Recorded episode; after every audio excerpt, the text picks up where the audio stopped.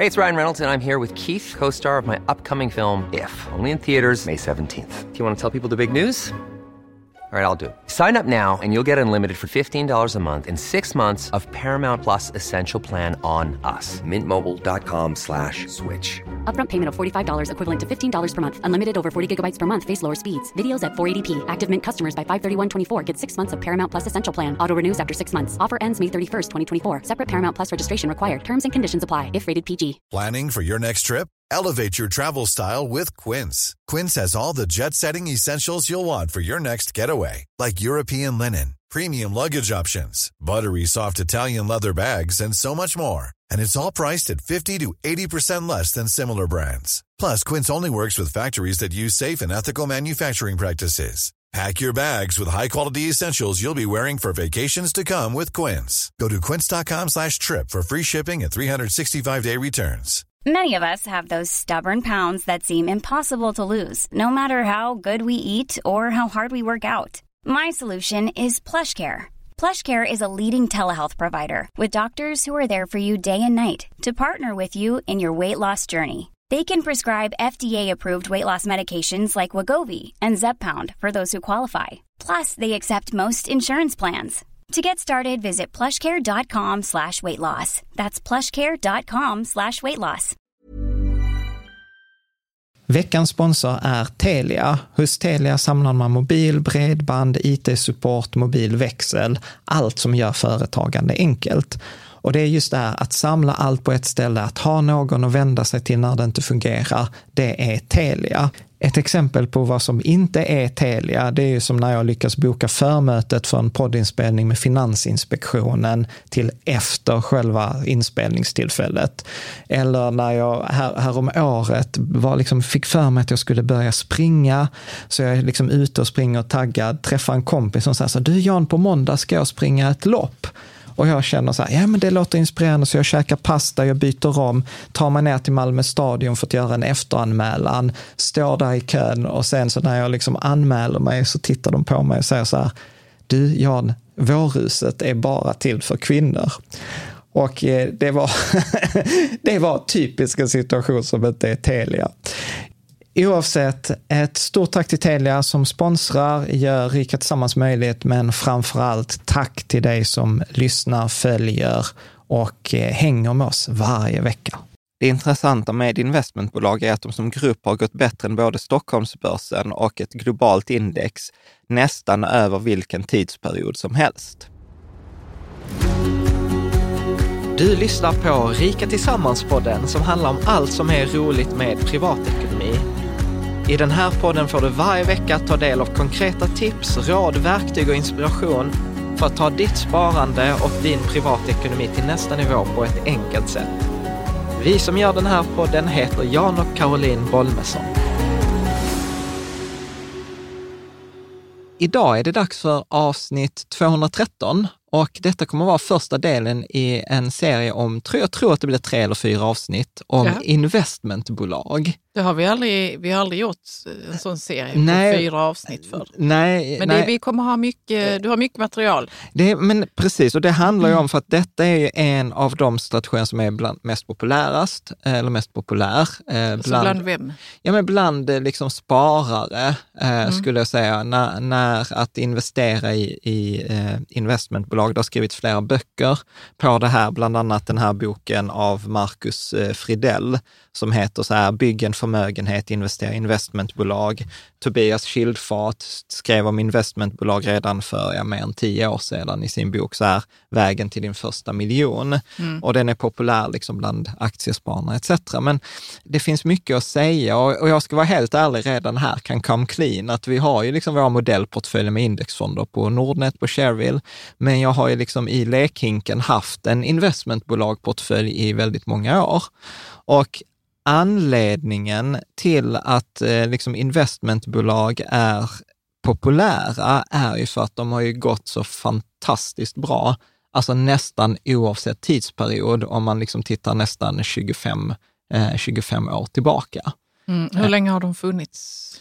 Alltså, I Sverige är det väl ett fenomen. Jag, vet inte för det, jag har hört att det utomlands inte är lika vanligt med investmentbolag. Ja, det vet jag inte, det kanske du har bättre det, koll på. Det, kommer på. det är en av grejerna vi kommer att ja. prata om. Men eh, du men säger alltså, 25 år tillbaka, här visar du en graf på, ja, vad precis. kan du säga vad det är för något? Ja, eh, nej, men jag tänkte ta en fråga så här, hur länge har vi haft investmentbolag? Ja, vi, har mm. haft, vi kommer att prata rätt mycket i dagens avsnitt om historia, så vissa mm. har vi haft sedan 1800-talet. Mm. Så att vi har haft dem ganska länge. Men eh, om man tittar på som grupp, alltså investmentbolag som grupp, så finns det något som heter index, alltså ett jämförelseindex, som vi pratade i förra veckan i avsnittet med Emil Ahlberg, vad är ett index och vad är ett jämförelseindex? Ja. Då finns det ett eh, index eh, då som jämför investmentbolag. Mm. Och jämför man då eh, liksom Stockholmsbörsen, alla bolagen med investmentbolag, så har liksom, vi tar, jag hatar ju sådana här jämförelser egentligen, men om man tar 100 kronor i Stockholmsbörsen från 1996, så har en hundralapp blivit värd ungefär 1500 kronor, alltså 15 gånger pengarna. Ja. Men samma hundralapp bara i investmentbolagen hade ju gett över 3500 kronor. Så att man kan nästan säga att investmentbolagen har gått dubbelt så bra under denna tidsperioden. Och de har gått bättre än liksom den globala börsen eller det amerikanska indexet också. Och det är det som jag liksom att även om vi brukar säga att historisk avkastning är inte en garanti för framtida avkastning, så, så är det svårt att ignorera det här, att de svenska investmentbolagen har utvecklats så himla bra. Och det är det jag tänker att vi ska dyka ner i den här eh, serien, som vi ska göra i fyra delar. Där jag tänker att idag ska vi prata om introduktion, vi ska prata lite om historik, för det, det är rätt roligt, liksom så här, lite allmänbildning, svensk industrihistoria, att prata om investmentbolagen. Vi kommer prata om varför investmentbolag, några fördelar. Och sen tänker jag att nästa vecka kommer vi hoppa ner, liksom ha ett helt avsnitt om fördelar, nackdelar, eh, prata om substansvärde, eh, liksom substansrabatt, substanspremie, som är så här viktiga, jätteviktiga nyckeltal. Eh, och eh, vi kommer också prata om några, så här, för jag upplever, jag har läst typ väldigt mycket, både studier, böcker om de här investmentbolagen, investerat själv länge i dem. Det var ju den första aktien jag köpte faktiskt var ett investmentbolag. Och det var Ratos? Nej, det var Investor. Investor. Det var mm. 1995, 96. Men jag upplever att det är många saker som folk inte pratar om eh, i de här som Vad jag... kan det vara då? Ja, men det tänker jag att det tar vi i de avsnitten. Men några fördelar som sällan tas upp och några nackdelar, ah, okay. till exempel mm. eh, vissa former av arbitrage. Mm. Um, och sen så tänker jag att del tre kommer handla om, så här, så är detta något bra att investera i i framtiden? Alltså om man simulerar detta, hur ser värdena ut? Hur ser sannolikheterna för att gå plus? Vad kan man förvänta sig för en avkastning? Hur gör jag detta? Gör jag det själv? Ska jag välja fonder som gör detta? Det finns ändå ett par olika fonder som investerar i investmentbolag. Och sen tänker jag att eh, liksom del fyra kommer handla om frågor och svar, kanske ja. även en intervju. Ja, det låter ju fantastiskt. Men ja. så tog vi upp det där om att eh, att jag har hört att investmentbolag är bara en framgång i Sverige. Men inte ja, det kommer vi, det vi kommer, ta upp det. Vi, vi, kommer ta massor av grejer. Alltså det, det, det, jag vet ju att det kommer bli fyra avsnitt, för när jag satt och förberedde detta avsnittet mm. så blev det hundra slides. Och jag vet att vi gör ungefär 25 slides per avsnitt, så att ja. jag gissar att detta kommer bli tre, fyra avsnitt. Men vi kommer att prata om, vi kommer ge listor på svenska och utländska investmentbolag. Det är också en sån grej som jag upplever är svårt att få tag på. Så att vi har hjälpt i forumet har vi under ett år liksom satt ihop en lista med över 100 investmentbolag. Det vanligaste är att man pratar om 12 eller 16 svenska investmentbolag, men det finns ju så många fler, särskilt om man börjar titta utomlands. Så vi kommer att ge listor, vi kommer att ge fonder som investerar i... Så att man själv vet hur man ja. skulle kunna ja, hoppa man, på det på en gång. Exakt. Mm. Eh, vi kommer gå, jag har läst en del uppsatser, en del studier eh, på investmentbolag, så jag kommer ge sammanfattning av dem. Eh, vi kommer sammanfatta Marcus Fridells eh, bok. Vi kommer sammanfatta lite från Tobias Schildforts bok. Det kommer lite saker från årsredovisningar. Eh, och liksom, men framförallt så blir det också min, alltså jag hoppas att någon tycker att det är värdefullt med våra reflektioner, som till exempel den frågan du tog upp nu. Att mm. det är en mm. svensk företeelse, är det värt det? Eh, liksom. Men vad var det du sa, vi, vi, har, så, vi har investmentbolag i vår lekhink. Ja. Varför är de i lekhinken? För att det går ju emot... Det låter ju jätte, som en jättestabil grej att ha egentligen någon helt annanstans. Nej, men alltså varför de mellanriskhinken Ja, men sånt. precis. Nej, men vi har ju avsnitt 190 som handlar om vår fyra hinkar-princip. Mm. Och jag är ju ändå så att basen bör man investera i liksom globala indexfonder eller fondrobot som Lysa, det vi pratar om i avsnitt 99. Och forskningen är ändå rätt tydlig att den säger så här, varje avvikelse från en global indexfond eller från att äga allt i hela marknaden, tar du en risk som du inte får betalt för. Alltså att en riskjusterad avkastning blir mindre. Det förväxlar många med att de tänker att om jag avviker från index så kommer jag få en sämre avkastning. Det är inte säkert, utan Nej. det forskningen säger att du tar en risk du inte får betalt av. Avkastningen kan bli mycket större, men den kan också bli mycket mindre. Alltså väljer du rätt bolag så kommer du ju pryla index. Väljer mm. du fel bolag så kan det gå konkurs. Mm. Så, att, så att rent tekniskt, då säger man så att genom att avvika från index så ökar du spannet möjliga utfall. Den så kallade utfallsmängden ökar. Och genom att välja in, eh, investmentbolag så har man eh, då liksom avvikit från index för man har koncentrerat sin portfölj och därmed så kan man få högre eller lägre avkastning. Och historiskt sett har man nästan oavsett om det är 25-årsperiod, 5-årsperiod, 10-årsperiod, rullande 12 månaders eh, period, alltså nästan alla tidsperioder har du fått högre avkastning med investmentbolag. Så att det är en tydlig avvikelse från vad forskningen säger. Och därför har jag placerat det i lekhinken. För som vi kommer att prata om mm. med i, och det är det som jag tänkte att vi ska prata om i de här fyra avsnitten. Mm. Så vad är avvikelserna? Finns det någon garanti för att det kommer fortsätta i framtiden? Hur, hur ska man liksom tänka liksom kring det. Men det är väl rätt många som älskar investmentbolag? Jättemånga. Men finns det någon som hatar dem? Ja, jag är väl en av dem. du hatar inte Nej, dem, jag hatar, men jag är, jag är mer kritisk än vad de flesta är. Ja. Och jag, jag ska inte, alltså så här, jag tycker det är tillräckligt bra för att ha egna pengar i det, men det är inte tillräckligt bra för att ha det som primär strategi. Nej. För där är, där är ganska många eh, seglivade myter också som jag upplever eh, liksom som folk inte pratar om. Eh, alltså där finns vissa risker. Kommer eh, vi ta upp dem? Vilket avsnitt kommer vi ta upp de här myterna? Jag vill höra om dem. Eh, jag tror att det blir nästa vecka. I ja. nästa avsnitt så blir det lite myter och jag kommer visa några sådana här fantastiska, Caspian jag har ju tittat igenom slidesen och han bara garvade åt mig, bara så här, ja fy fan vad kass du är investera i investmentbolag. Eh, för jag kommer visa några så här grafer som inte är så smickrande, varken för mig eller för investmentbolag, när jag, när jag försökte mm. investera okay. i dem. Så att jag vill ja, bara det är spännande, vara... men idag, idag, kommer vi prata om något spännande idag? Eh, nej. Jo, det är klart vi kommer. Vi kommer att prata om... Men du eh, skriver så här introduktion och historik och några fördelar. Vi har ju de här slidesen. Ja, som, Lite man... för om man, om man vill titta på avsnittet på Youtube så kan man också se dem då. Ja, då ser du såklart. Men, Men om, är, man behöver inte ha man dem. Behöver, lyssnar du på detta på podd, du kommer kunna hänga med överhuvudtaget. Det är egentligen mest för mig att ha en röd tråd de är, du, alltså så här, Karo hatar alltid mina slides för det är mycket information. Det är mycket text, ja. Men syftet för mig är inte ja. så mycket att visa dem, det är syftet för mig att kunna ha en röd tråd i en och en halv timme här. Ja, som timme. de flesta föreläsare. Ja, men, men det, vi, vi, vi, går, jag, vi, jag ska vidare. ge mig på dig. De finns att ladda ner, det finns en länk i beskrivningen för den som vill ladda ner dem, eller så finns de på bloggen, Toppen. så rikatillsammans.se, så trycker man in på avsnitt 213. Så att eh, där. Jag tänkte att vi ska hoppa in i avsnittet, men vi ska mm. göra två grejer först. Eh, vi ska ta lite reklam. Eh, vi, har aldrig, vi brukar ju nästan aldrig ha reklam Nej, det i har vår vi podd. Inte. Jag, jag, eh. jag, känner hur jag blir lite så röd om kinderna. Jag så, shit vad jobbigt. Nej, men jag tänker så här, vi har en månad. Men, det, men vad är det för reklam då? Jo, jo men det är så här, vi har ju fyra veckor, fyra avsnitt som kommer komma, mm. som, är, som inte är sponsrade. Och eh, så var det ändå så här att vi hade ett avsnitt där vi pratade om sätt att tjäna mer pengar. Och då pratade vi om det här att man borde eh, liksom eh, höja sin lön. Att höja sin yeah. lön är yeah. det liksom viktigaste sättet liksom att eh, kunna tjäna mer pengar eftersom det är enklast. Det, går liksom, det är det som är basen, motorn i ens sparande. Och så sa vi liksom så här, ja men en av de grejerna som till exempel så här, vi har i forum, alltså vårt forum är fantastiskt. Där är ju liksom fackliga representanter, arbetsgivare, anställda och liksom ett av de tipsen som de flesta kom med var så här, kolla vad dina kollegor tjänar om du ska byta till ett nytt jobb eller liksom så här.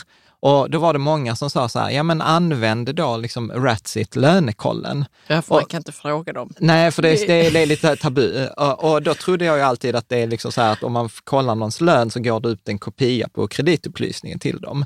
Men då, ja, ja. Hör, då mm. hörde liksom Ratsits eh, vd Anders av sig bara så här, nej, där är, du kan, vi har en sån tjänst som heter då lönekollen eller Ratsit plus, mm. där du kan liksom kolla vad andra har i lön, alltså det är den här som är innan taxeringskalendern utan att det går en kopia till eh, den som du kollar upp. Ja, för man vill inte att den ska veta så att du har kollat upp nej, nej, nej, precis. Så att, för så, att höja din egen lön? Ja, för att kunna förhandla eller liksom mm. att få en känsla för eh, liksom vad, vad lönen Jag tycker det är bra. Jag tycker att man ska använda det. Speciellt ja. som kvinna ska man använda detta. Ja, och då kostar lönekontot 39 kronor för en enskild eller då om man tar plus så kostar 49 kronor så kan man göra mm. 10 stycken.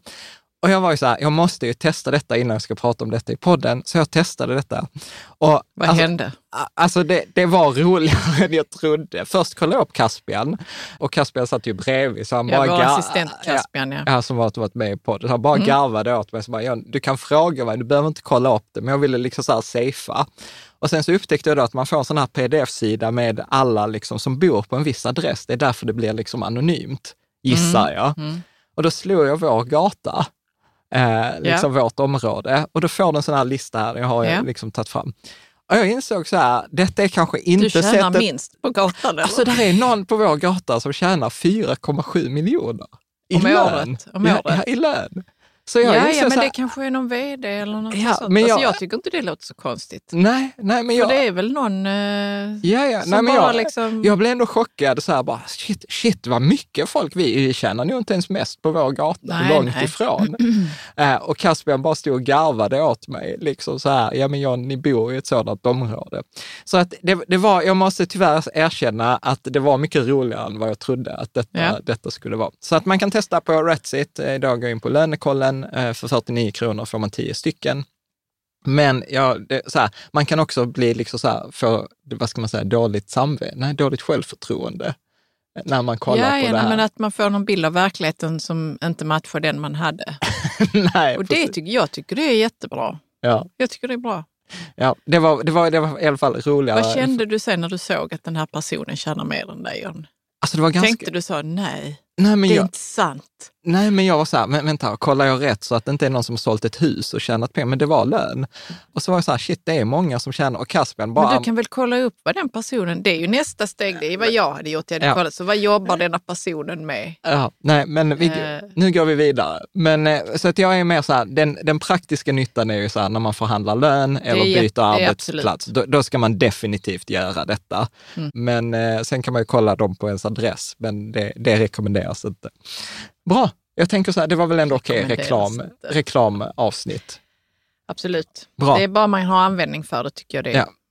Bra. motiverat.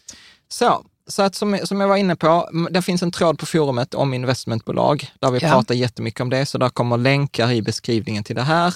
Mycket av, eh, eh, liksom en hel del av eh, källorna här i boken är ju från den här, eller i avsnittet är från Marcus Fridells bok, som jag tycker man ska ära den som äras bör. Eh, läsvärd, läsvärd. Och den heter Bygg en förmögenhet? Bygg en, bygg, bygg en förmögenhet, eh, investera i investmentbolag. Den är från 2018. Eh, man kan köpa den där man kan köpa böcker. Eh, ish. Mm. Så att eh, jag vill liksom, ibland så är det viktigt att liksom ge credit så att den är plagiat. Yes, eh, och också, jag vill också säga så här att det är inte en rekommendation att byta strategi, men det har vi tagit upp med indexfonder. Det är fortfarande avsnitt 99, avsnitt 190 som är basen i vårt, eh, våra rekommendationer. Bra eh, investmentbolag, bra alternativ för lekhinken. Historisk avkastning är inte en garanti för framtida avkastning och detta avsnittet är inte finansiell rådgivning, utan det är, liksom, det är en sammanfattning av böcker, research, konsensus etc. Och eh, det kan öka och minska i värde. Så då har vi tagit det juridiska. Yeah. Man kan läsa mer på riketillsammans.se villkor. Mm. Bra. Så att jag tänkte att vi ska börja med att ta den här frågan, så här, varför investmentbolag? Alltså what's in it for me? Alltså varför ska jag ens lägga... Varför ska jag investera i det? Varför ska jag ens lägga tid på det här? Och då brukar det finnas några vanliga argument. Eh, så detta är de argumenten man brukar höra.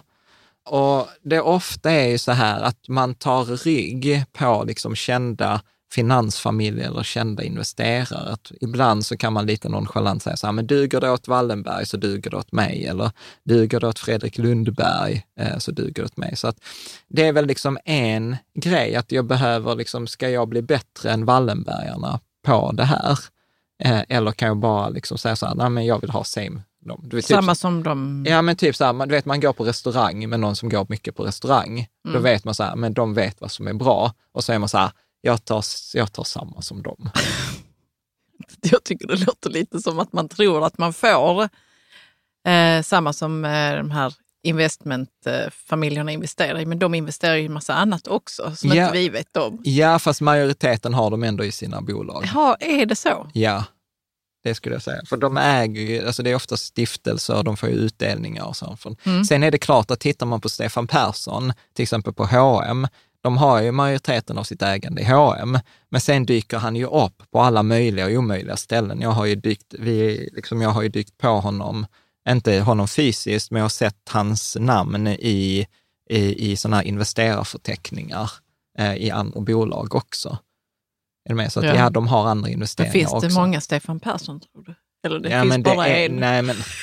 Förlåt mig, men det tar ju ett jättevanligt namn. Ja, men Okej, Men han är en ganska aktiv, eller de är ganska aktiva investerare som ja. dyker upp. Till exempel, de köpte ut Melker Körling. Mm. Då ägde Stefan Persson med familj, mm. ägde de, jag tror 4 procent. De är i storskogen där vi är inne i. Mm. De är inne i andra liksom, bolag. Okay. Ja, så att där finns liksom en annan anledning också är att om man gillar bolag, så många av de här ägarna av kött och blod är ju liksom långsiktigt aktiva ägare. Så Wallenberg har ägt samma bolag sedan början av 1900-talet. Så att det är väl också en liksom så här borgar för att man inte behöver cut corners eller ta, ta för kortsiktiga beslut. Liksom ja, alltså du menar i ett, deras investmentbolag ja, så är det många bolag som har funnits väldigt länge? Ja, ja, precis. Och, och de har ju också ett, ett långsiktigt perspektiv. Alltså det är ju inte aktivistfonder. Det finns ju den typen av investeringar som till exempel man tar in pengar, tidshorisonten är fem år och man ska maxa avkastningen på fem år. Kallas det, det aktivistfond? Ja, ibland. ibland. Jag Behöver trodde aktivist var något annat. Ja, men aktivistfond, mm. de kan ju ofta gå in och till exempel säga, nej men detta är felvärderat, så köper de in sig i ett bolag och, och för med syfte att det bolag ska sälja av en annan grej, till exempel en del av sin verksamhet som man anser, ja men detta är överflödigt fett, det borde ni inte ha. Eller detta kan man tjäna pengar på att splitta upp. Alltså mm. typ eh, Gordon Gecko i, i den här Wall Street-filmen. Eh, ja. Vad? Du bara nej, nej, men jag har helt andra associationer till aktivist. Alltså, vad, vad har du för aktivist? Nej, men det är ju sådana som vill förändra världen. Ju. Ja, ja, ja, men strunt samma, då aktivist inom ekonomi är något helt annat. Ja, eller piratfonder kan man kalla det ibland. Ja. Okay. Så att detta är väl liksom motsatsen till det, att du har långsiktigt, att det, detta är liksom när man går in, till exempel här så är detta liksom generationsförmögenhet. Detta ska mm. vara kvar. Vi kommer att prata om det här släkterna. Ja, så att man tar det blir väldigt intressant att veta så hur lång är deras horisont? Är den liksom oändligt lång? Eller, ja, för många av för dem många är, är de säkert det. Är de det ja. mm. Man har äh, inget slut. Liksom. Ja. Mm. Uh, historiskt sett, så varför frågar vi fortfarande på frågan varför investmentbolaget? Historiskt sett har de ju överpresterat mot Stockholmsbörsen och de har överpresterat mot nästan alla andra breda index. Mot globalt index, mot amerikanskt index uh, etc. Under lång tid? Både och, kanske... även under femårsperioder och tioårsperioder. På ett ja, år är det jag, alltid svårt. Jag minns det som att vi hade ett sånt här, vi hade en, det var liksom så provocerande för mig när vi pratade om det för, för många avsnitt sen, att man ska inte gå på historiska avkastningar överhuvudtaget. Ja, ja men då pratar vi mer fonder och liksom sådant. Ja. ja. Så att, ja. nej, men, men alltså så här, så ja, men, det, men detta, är en, detta är en typisk avvikelse mot det vi brukar prata om. Ja, ja, det är och det är det. därför, det är, det är därför det. detta är relevant. Mm. Man, man, brukar ju också prata om att investmentbolag har en, liksom en komparativ fördel, en konkurrensfördel, eh, kring att de har varit i vissa specifika branscher eller bolag väldigt, väldigt länge. Vissa bolag till exempel eh, eh, har ju liksom ägt Securitas, Assa Abloy, alltså säkerhetsbranschen. Nu bara blev jag osäker, men jag tror att det var Latour eller någon sådan. Eller Investor som har varit inom finans eh, väldigt, väldigt länge. Så att man kan, eller sen finns det vissa som varit inom fastigheter väldigt, mm. väldigt länge, mm. eller industri. Menar så att, att de specialiserar sig ja, lite? Men har man gjort någonting i 50 år så mm. finns det en kultur och vissa saker sitter i väggarna. Liksom man, mm. kan, man kan de sakerna. Ungefär som att, du vet, det, det tar inte mycket tid för mig idag att analysera en fond, för jag har gjort det så många gånger. Så blir det också för Ja, en men det jag tänker mig också att de förstår vart utvecklingen är på väg. Och, Ja, ja, ja Alltså så, delvis. Ja, men delvis. Mm. Historiskt sett, detta kommer vi prata om i nästa avsnitt eller nästa avsnitt igen, har man fått rabatt när man har köpt investmentbolagen. Så att du har kunnat köpa en hundralapp för 80 kronor eller 90 kronor. Så vi kommer, det är det som kallas för substansrabatt, men vi kommer dyka ner i Ja, vi exakt kommer det. prata om det. Och får man rabatt så får man högre avkastning etc. Mm. Historiskt sett har också detta, som vi varit inne på, gått emot eh, forskningens sätt, eh, bästa sätt att investera. Det är också ett relativt sett billigt sätt att förvalta sina pengar, att investera i investmentbolag.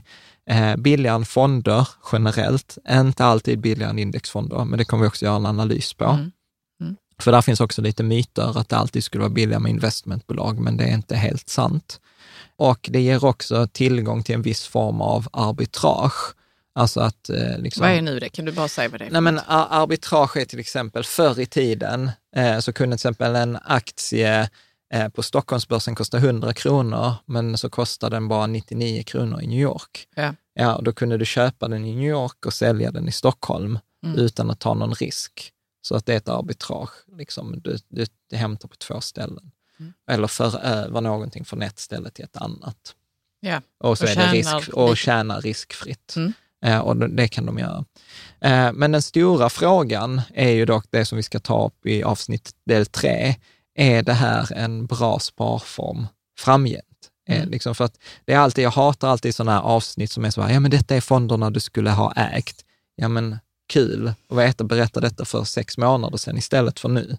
Utan det intressanta är ju det prediktiva. Så det, det, det ska vi ha ett helt avsnitt om. Mm. Okej? Så att om vi, om vi tittar på det och börjar liksom nysta så tänker jag att ett, liksom frågan så här, vad är ett investmentbolag? Och i grunden så kan man säga så här att ett investmentbolag, det är ett företag vars affärsidé är att investera och förädla andra bolag.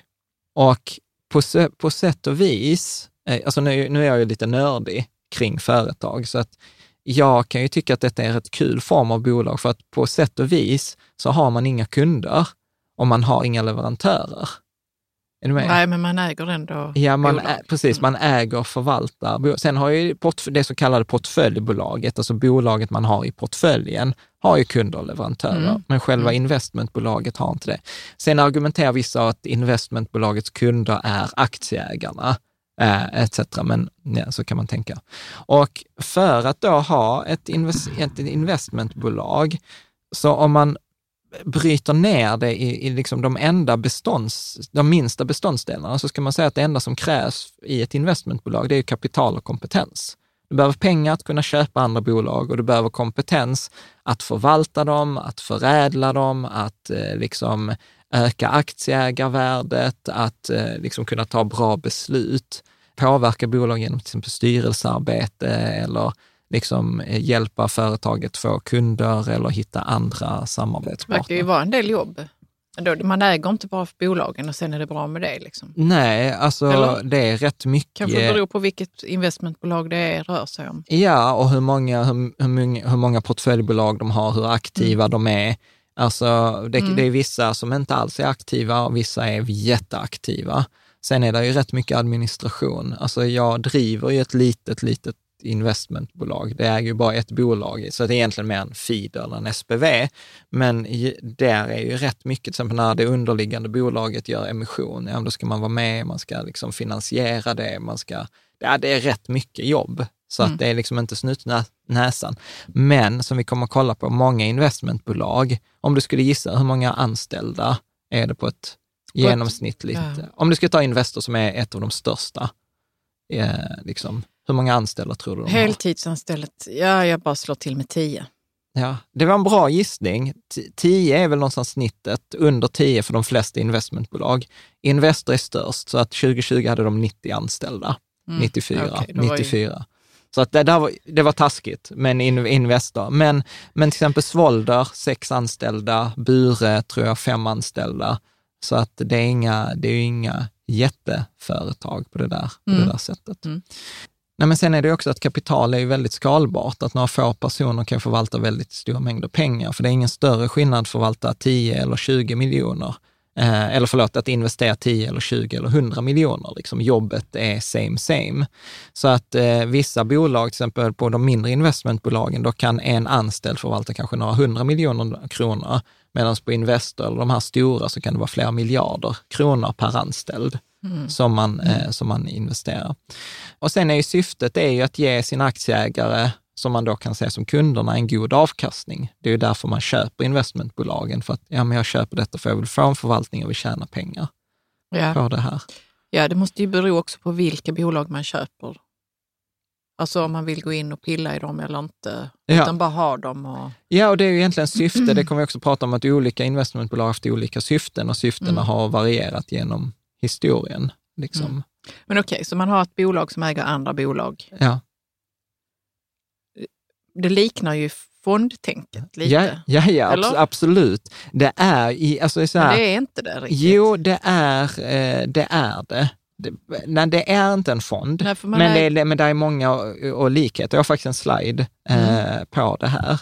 Alltså så likheten är ju att, att investera i ett investmentbolag eller en fond, så har du en indirekt investering i många underliggande bolag. Så liksom till syvende och sist blir det alltid en investering i, i aktier i mm. något bolag. En med köper jag Investor så får jag till exempel den underliggande aktien SEB. Mm, för då äger de en liten bit av SEB, precis yeah. som en fond kan göra. Precis, om mm. jag investerar i Lysa så får jag också en liten del i SEB. Mm, liksom. precis, ja. Ja. Sen, sen kan vi prata om viktningar och sånt, att det är väldigt olika. Men, men där är likhet, liksom mm. att det är ett sätt för mig att köpa flera bolag på ett ställe. Mm. Eh, och det, den andra likheten är att man har ju outsourcat sammansättningen av ens portfölj. Det vill säga att det är någon annan som, eh, eh, som väljer ihop vilka de här eh, bolagen ska vara. Men här kommer en jättestor skillnad. Att investera i ett investmentbolag så har jag i teorin även om det är väldigt liten andel, ett inflytande på vilka innehav. Jag kan gå till en bolagsstämma i Investor och så kan jag driva poängen så här. Jag tycker att Investor ska sälja SEB. Är du med? Och eh, nu kommer ingen bry sig för att jag har väldigt lite pengar i, i Investor, ja. så jag har väldigt liten röstandel i förhållande till exempel om Wallenberg-stiftelserna eller Wallenberg skulle säga nu säljer vi SEB. Säger Wallenberg eller storägarna och de får med sig en majoritet av rösterna, så måste bolaget sälja SEB. Men för man kallar årsstämma eller bolagsstämman är ju så kallad omnipotent. Mm. Den kan besluta om vad som helst. Mm. Medan jag har ingen laglig eller möjlighet att säga till en fondförvaltare vad de ska göra med innehaven i sin fond. Nej, så det är helt annan juridik. Som ja. Men, men eh, för jag kan lite blanda ihop det eftersom jag tänker då på storskogen Ja, då får vi berätta vad Storskogen är. Storskogen ja. är ju ett investmentbolag som ja. är onoterat, ja. som vi är delägare i. Ja. Men de köper ju bolag. Ja, det gör ju, investment, gör ju till exempel Investor jo, också. Jo, men jag tänker att om man köper bara aktierna till ett bolag, mm. då är det inte samma sak ju. Jo. Nej. Eller jag fattar inte. Jo, men om jag, har, om jag säger att jag har ett investmentbolag som köper aktier Ja, så, så om vi tar stor... Av, på, från andra bolag, då äger jag ju då äger jag inte bolagen så som... som Nej, men Storskogen skulle... äger ju då till exempel, alltså vi köper aktier i Investor, mm. Investor köper aktier i SEB. Ja. ja. Funkar exakt samma sak på andra bolag, till exempel allt från vårt eget lilla eh, holdingbolag. Så att liksom vi äger då Snötas AB, Snötas AB äger 100 procent av aktierna i Rika Tillsammans AB.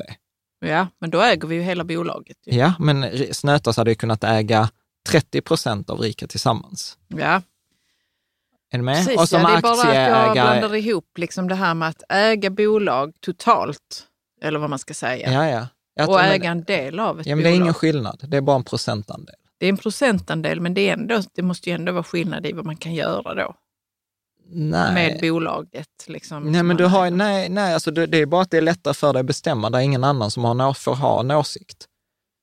Att du har en röstandel. Ja, men min, min ähm, alltså jag, nu är jag ju inte så särskilt aktiv äh, i, investmentbolagsägare. Nej. Men då tänker jag, shit vad jobbigt det är när någon annan ska komma och bestämma. Ja. Så, och det är därför vissa Det som... tycker jag vanligtvis också. Ja, jag vet. Jag bor ju med dig. Eh, tänkte... Så då vill jag hellre liksom veta så jag, att jag kan bestämma själv. Ja.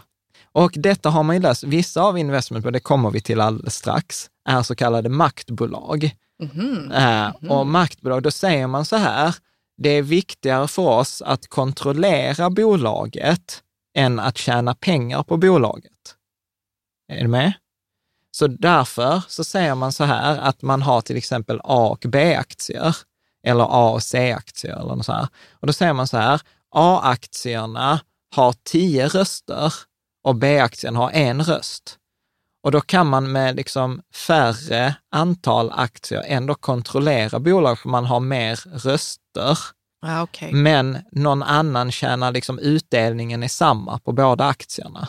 Ja, Är du med? Ja, jag förstår. och, och då är det vissa som säger så förstår här, jag bättre. ja, och då säger vissa så här, nej men jag skiter i, jag tänker inte, inte gå på stämman och rösta. Så för dig och mig, till exempel när vi köper direkt, så tänker vi aldrig på rösttalet. Nej. Men för vissa är ju röstantalet jätte, jätteviktigt. Och det är ju det liksom bolagsrättsligt. Ja. Okej, så där finns alla möjliga uppsjöar, men det, det är ju det man ibland kallar för maktbolag. Då vill man ha röstmajoritet liksom, i, i, Mm. i det där. Kommer vi in mer på det sen? För jag vill Nej. fråga, så varför vill man det då? Är det för att utveckla Nej, det? men ta till exempel om vi liksom- tar, om vi tar till exempel Storskogen, som Ja. är liksom ett investmentbolag som kanske kommer börsnoteras inom, eh, inom ett år eller två eller något.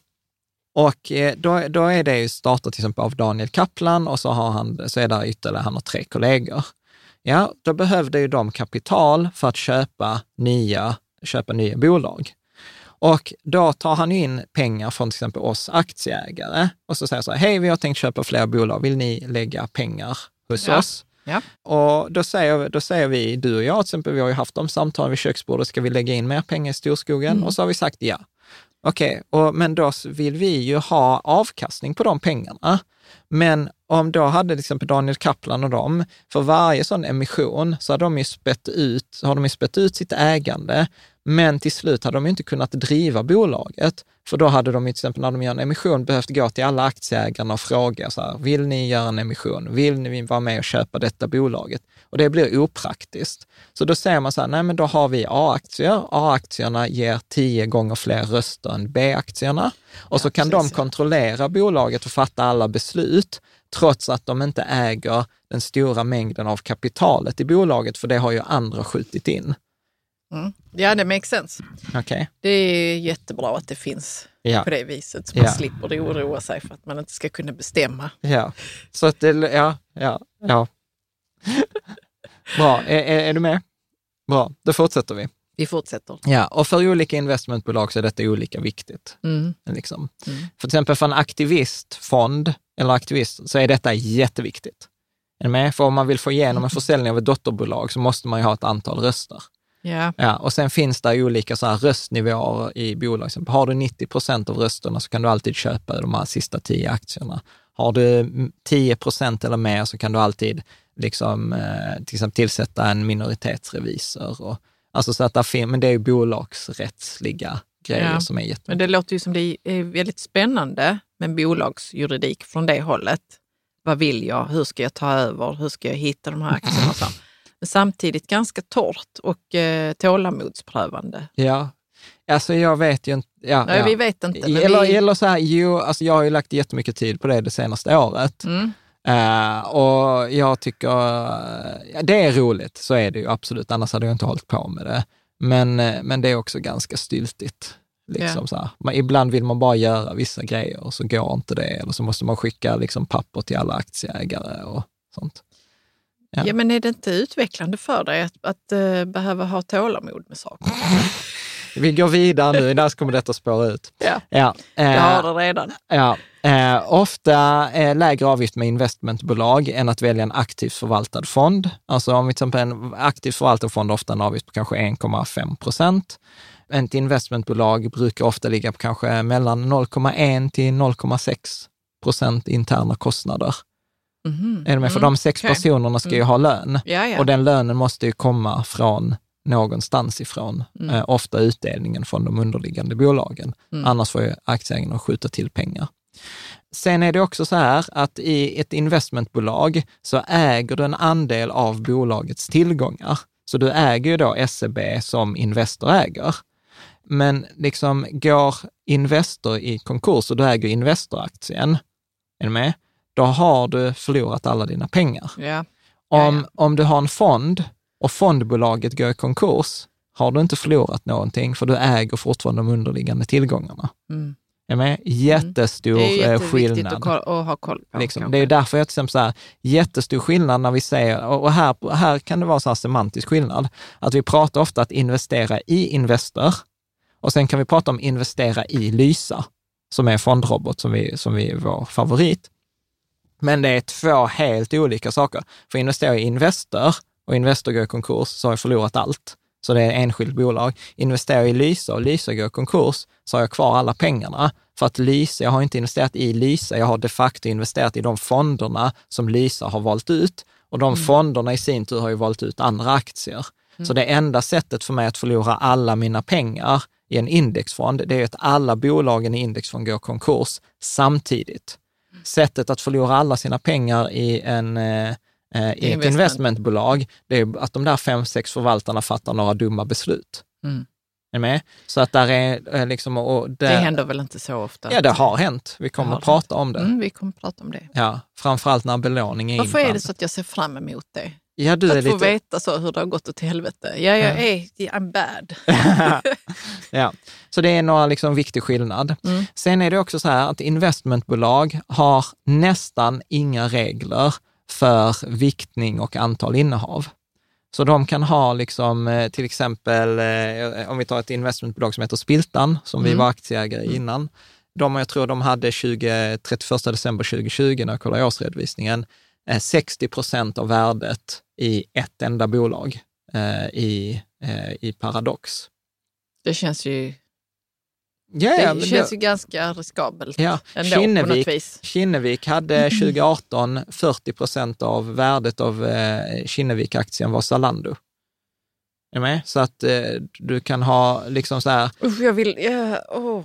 Det Ja. känns jättejobbigt att du säger det. gick, då har man ju jättemycket risk ju. ja, ja, alltså vid ett tillfälle så var det ju så här. Zalando kan ju gå i konkurs. Jag, jag kan tänka mig att det kan göra det. Ja, för det och- går väl på sina marginaler Ja, ibland. Liksom, när men- folk inte shoppar så mycket kläder. Så och, skulle Zalando gått i konkurs, alltså så här, blivit värt noll, då hade ju Kinnevik-aktien förlorat 40 procent av sitt värde. ja, den hade det. Ja, Mm. så att så hänger det ihop. Mm. Eh, sen är det ju också så här, ett bolag blir ju inte värt bara noll. Alltså en få gånger det blir värt bara noll, då är det typ Wirecard, där det var liksom något brottsligt. Eller, alltså, det är Ja, väldigt ovanligt, för att där finns ju alltid Men- värden När det är så att bolag. de äger, eh, när deras, en stor del av deras eh, innehav är exponerat mot ett bolag, Ja. då är det väl under en kort period? Eller Men är det kan vara liksom- för i, i, i Spiltan har ju det varit länge. Det var ju därför Ja. vi sålde Spiltan. Ja.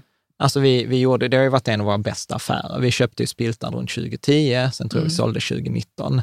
Då hade den gjort tio gånger pengarna, mer än Mm. tio gånger pengarna. Men Mm. till slut så var det så här, för då börsnoterades Paradox.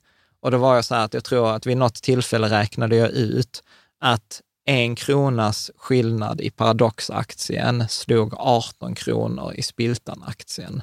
Eller något sånt. Alltså det var så här, jag kunde lika gärna, liksom, jag hade aldrig lagt så mycket av mina pengar i Paradox på börsen som jag då hade i den här Spiltan-aktien. Så Nej. därför, därför, Nej, nej. Så, därför sålde jag det.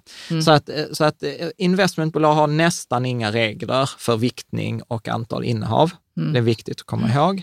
Och medan om man tar en fond så måste en fond äga minst 16 bolag och det finns jättehårda krav för likviditet, viktning. Till exempel säger man så här, där får max vara 5% i ett enskilt bolag i en fond.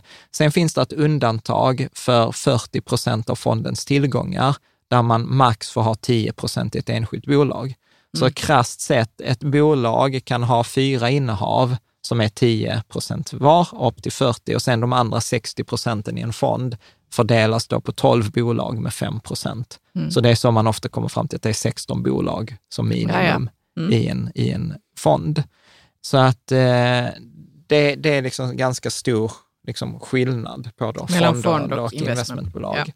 Och sen är det också så att just, vi, vi kommer prata här, den, den formella definitionen på investmentbolag är att i Sverige eh, klassas det som en specifik typ av bolag. Jag vet inte om den gör det utomlands, men detta är ju väldigt unikt, tror jag, för Sverige. Och då har de till exempel eh, eh, en, en, en, inkomstlagen så är det att de betalar ingen skatt på utdelning. Men sen är det också, en annan skillnad är ju att eh, investmentbolag är, eh, liksom, det är en speciell typ av bolag enligt svensk lagstiftning och särskilt om man tittar inkomstskattelagstiftningen. Så att investmentbolag betalar ingen skatt på den utdelningen som de tar emot från sina portföljbolag. De är dock skattskyldiga på utdelningen till aktieägarna. Ja. Så att det är en sån här specialgrej som man har gjort för att man då förr i tiden ville ha eh, liksom investmentbolag. Men vänta här nu, vadå förr i tiden ville Ja, ha? men jag kommer till det. Ja, Jag kommer till okej. det, för det är lite, lite, lite kul. Det har liksom med historien att göra. Så att eh, om man tittar då 39 kapitlet, 15 paragrafen i inkomstskattelagen, så definierar man investmentbolag eh, specifikt och då säger man så här, med investmentbolag, investmentföretag avses ett svenskt aktiebolag eller en svensk ekonomisk förening som uteslutande eller så gott som uteslutande förvaltar värdepapper eller liknande tillgångar vars uppgift väsentligen är att genom ett välfördelat värdepappersinnehav erbjuda andelsägarna riskfördelning och som ett stort antal fysiska eh, personer äger andelar i. Och, och jag tycker detta är en ganska fin eh, definition. Mm. Liksom. Och syftet med att man gör detta undantaget är att man ville eh, ge skattemässiga fördelar och hjälpa de här företagen att undvika dubbelbeskattning. Och fram innan då 2003, då man gjorde den här ändringen, så ville liksom staten och regeringen, Socialdemokraterna framförallt, främja liksom långsiktig företagsutveckling i Sverige. Och därför gav man investmentbolagen en fördel att de inte behövde skatta för de här vinsterna. Så jag brukar ibland tänka, det är lite som den här staten, eh, staten och kapitalet. Sitter i samma båt, ja. Ja. Men ehm, det skulle vara trist om de blev dubbelbeskattade då. Finns det uppe på tapeten? Den, Det eh, var ju så förr, eller det fanns en Ja. risk för det.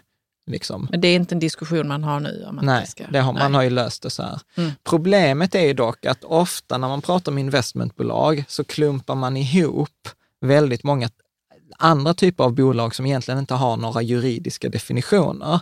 Att till exempel vårt ena bolag, då Snö- Snötas, här, Snötas, eh, skulle, kan man ju kalla för ett finansiellt holdingbolag. För Snötas har ingen verksamhet. Det enda verksamheten, syftet med det bolaget, det är att äga våra andra bolag. Mm. Och det finns vissa fördelar med att göra det. Mm. Men det faller ju inte under investmentföretag, för att det är inte ett stort antal fysiska personer som äger andelar i det, Nej. eftersom det är bara vi. Väsentligt välfördelat värdepappersinnehav, nej. Nej. Liksom. Och här då blandar man, då finns det rätt många sådana här rättsliga vägledningar där liksom folk har försökt säga att mitt bolag är ett investmentbolag. Jag tänkte precis, för och det de kan har vara fått subjektivt, avslag, ja. men det är inte subjektivt. Det är inte subjektivt. Och jag har länkat här till något, till exempel till Skatteverket eller till riksdagen eh, där man kan kolla. För att man blandar ofta ihop då investmentbolag med holdingbolag eller moderbolag eller riskkapitalbolag och liknande. Ja. Och, och jag själv, när vi kommer titta i vår lista, så skiter jag lite i den här definitionen av, den juridiska definitionen av investmentbolag. För jag tycker till exempel ICA-gruppen är, faller inom den här kategorin. Den äger ICA, den äger fast, ICA Fastigheter, den äger Apoteket Hjärtat, det äger Rimi, som är liksom ICA i baltiska länder, Mm. etc. Så, så att för mig är ju ICA-gruppen, företaget ICA-gruppen på börsen, egentligen liksom litet investmentbolag inom livsmedelsbranschen. Men det är inte ett formellt investmentbolag enligt den juridiska definitionen, så som jag har förstått.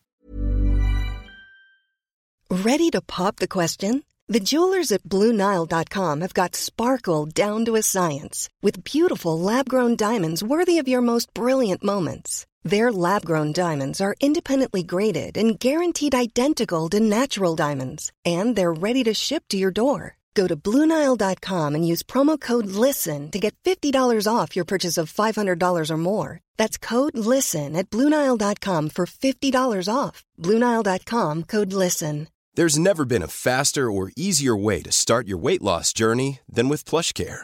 PlushCare accepts most insurance plans and gives you online access to board-certified physicians who can prescribe FDA-approved weight loss medications like Wigovi and Zepbound for those who qualify. Take charge of your health and speak with a board-certified physician about a weight loss plan that's right for you. Get started today at plushcare.com slash weight loss. That's plushcare.com slash weight loss. plushcare.com slash weight loss. I'm Sandra, and I'm just the professional your small business was looking for. But you didn't hire me because you didn't use LinkedIn jobs. LinkedIn has professionals you can't find anywhere else, including those who aren't actively looking for a new job but might be open to the perfect role, like me. In a given month, over 70% of LinkedIn users don't visit other leading job sites. So if you're not looking on LinkedIn, you'll miss out on great candidates like Sandra. Start hiring professionals like a professional. Post your free job on linkedin.com/people slash people today. Du ser, Nej, nej, men det är så mycket som jag bara behöver liksom, ta in. Varför är de inte det då? nej för jag tror att... Vad är det varför- som, vad är, vilken punkt är det de jag inte skulle säga som här? uteslutande eller så gott som uteslutande förvaltar värdepapper eller liknande tillgångar. De driver ju, Ja, de de driver driver ju de bolag. bolagen. Mm, Ju, mm. liksom. Eh, är ni med? Mm.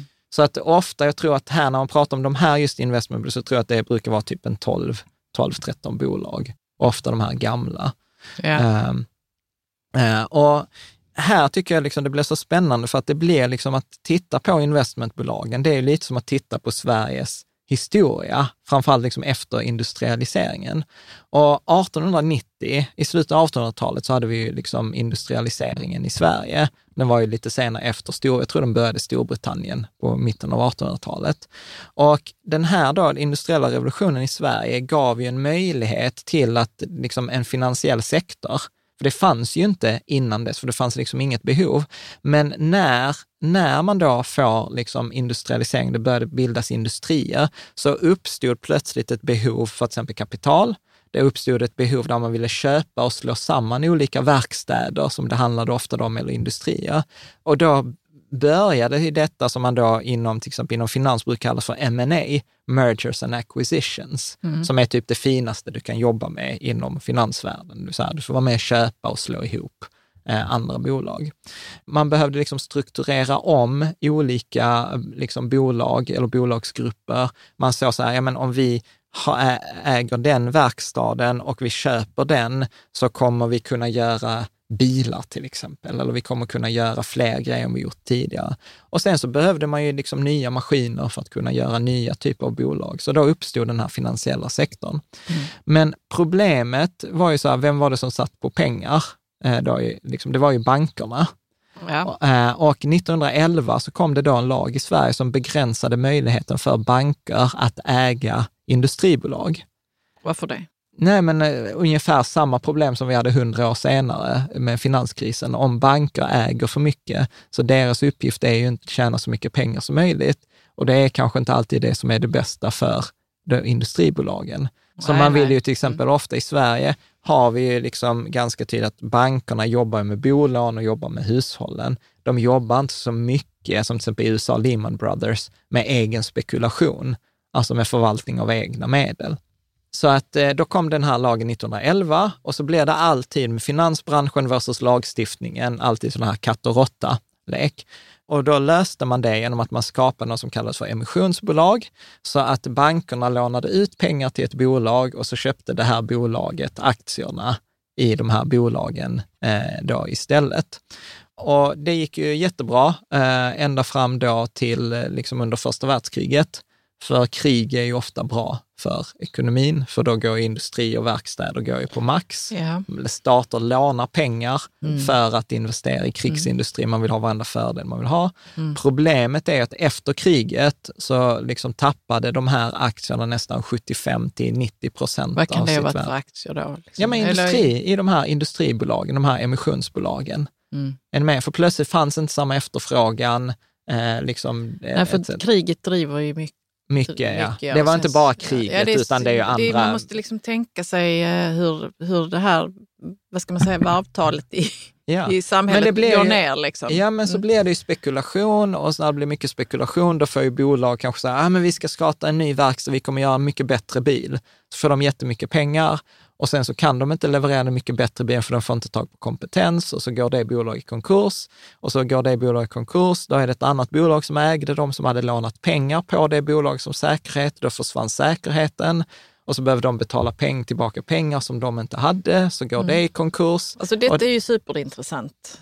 Eller hur? På Ja, hur, ja. hur det egentligen funkar med Ja. pengar och Ja. hur komplicerat det kan vara. Och- det är kanske också därför vi inte kan förutse saker i, Ja. inom ekonomin Ja, idag. det- liksom. precis. För att det är sådana Så ofta- kaskadhändelser. Ja, liksom. ofta blir det ju liksom en trafik, så jag brukar ibland tänka på det som en trafikolycka. Liksom, Mm. Om den, den ena föraren av två är med, så kanske den kan undvika olyckan, men det skiter sig när båda inte är med. Mm. Liksom, eller att den ena inte kan rädda det för den andra gjort så stor tabbe. Liksom.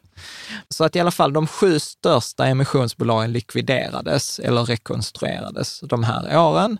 Och Är det stat, början på 1900-talet? detta är nu? 1920. Ja, runt, förlåt efter mig. Det är vi, andra- vi är i efter- andra världskriget. Eller andra- första världskriget. efter ja. Mm. första världskriget, ja. Och då startades ett bolag eh, då som hette AB Kreditkassan, vilket också är så här spännande att läsa på, som blev liksom lender of last resort. Alltså när ingen annan vill låna ut pengar till dig, då kunde du gå till AB Kreditkassan. För många av de här bolagen hade ju sedan många anställda och skulle de gå i konkurs, då förlorar de eh, liksom sitt jobb och så blir det liksom sociala problem. Så då var det liksom att staten insåg så här, okej, vi behöver göra någonting här.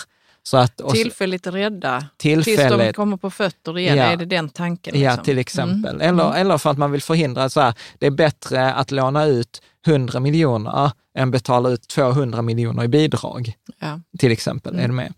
Mm. Så att man skapade då AB Kreditkassan som blev då den här lender of last resort. Eh, och det var ju liksom då först att det var inte staten som skulle ge ut, utan staten ägde den här och så lånade de ut i sin, Mm. i sin tur. Och de två liksom första, största bolagen, det var ju då Investor och Industrivärden. Och det som hände där var ju på depression på 30-talet. Och då hade vi här Ivan Kryger. Och det där måste, jag har faktiskt inte läst boken om honom, men han dyker ju upp liksom så här, Då gubben i då, ja. lådan. Mm. Jättestor betydelse för svenskt näringsliv. Mm. Och eh, när då de här, när Krügerkraschen kom så var det ju de lånat ut jättemycket pengar till honom och då förbjöd man eh, bankerna att äga aktier igen, liksom andra gången. Och här, lösningen då på 30-talet blev att man samlade stora delar av ägandet i en ny typ av bolag och det blev ju de här så kallade investmentbolagen. Och då var det Investor, blev då det som startades. Och eh, det var egentligen Stockholms enskilda bank som startade 1916. Det var Atlas Copco, eh, som de fortfarande äger hundra år senare. Atlas Copco var ju värt, eh, verkstäder i, det heter Atlas för att det är ett at, område, Atlasområdet i Vasastan i Stockholm. Där fanns en massa verkstäder i början, då, Mm. slutet av 1870-talet. Så Atlas Copco och eh, sen då ägde Investor då initialt maskinfabriksaktiebolaget Scania. Scania är ju latinska namnet för Skåne eh, och det var ju cyklar och bilar i, Som i de Malmö. gjorde. Men gör de, vad gör de nu? Är det, Scania, ja de gör lastbilar, är de ja, så är det. Mm. Så att det, det är ju jättekul att liksom se, du vet detta Ja, spåras men ju till slutet av med 18 länge alltså. Ja. Mm. Industrivärden kom från en annan grupp då, för att den här, det som sen blev SEB, eh, liksom Skandinaviska Enskilda Banken, den hette Stockholms Enskilda Bank. Och då 1873, tror jag att det var, om jag inte har skrivit fel här, eh, så blev, startade Handelsbanken och Handelsbanken var då en utbrytarbank från då den här Stockholms Enskilda Bank, för då var det ett antal familjer som tyckte att fokuset var för mycket runt om i landet och inte så mycket i Stockholm. Så då ville de ha en egen bank. Så det var, liksom, det var rebeller i Stockholms enskilda bank som startade eh, Handelsbanken. Och Handelsbanken eh, då eh, ägde, eller Industrivärden då ägde telefonaktiebolaget LM Ericsson, eh, som då sen, eller idag är Ericsson. Och eh, telefonaktiebolaget LM Ericsson började 18, startade 1876. Men detta är ju jättespännande. Shit vilka draman som måste utspelat sig. Ja, alltså, man hade ju velat vara så här flyga på väggen där när Handelsbanken började, liksom, eh, som, som utbrytare. För det var ett antal familjer. Och läser man på Wikipedia så är det så här, ja, familjen Tigersköld eller så här. Och sen dyker familjen Tigersköld, nu bara hittar jag på.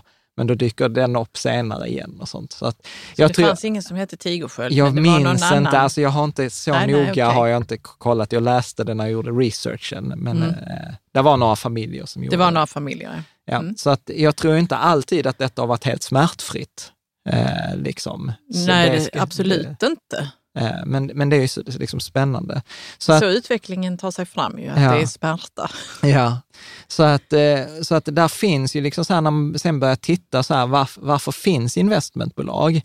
Eh, så tror jag att det är, liksom, det är nästan att man börjar kolla på respektive bolag och varje bolag har en ganska spännande historia. Till exempel så här, Öresund, som är ett investmentbolag, det började som ett sjöförsäkringsaktiebolag. Så det hette ju så här, Sjöförsäkringsaktiebolaget Öresund och började 1890. Mm. Sen har du Kinnevik då, startade 1936 genom att det var massa eh, jordbruk, skog och konfektyr.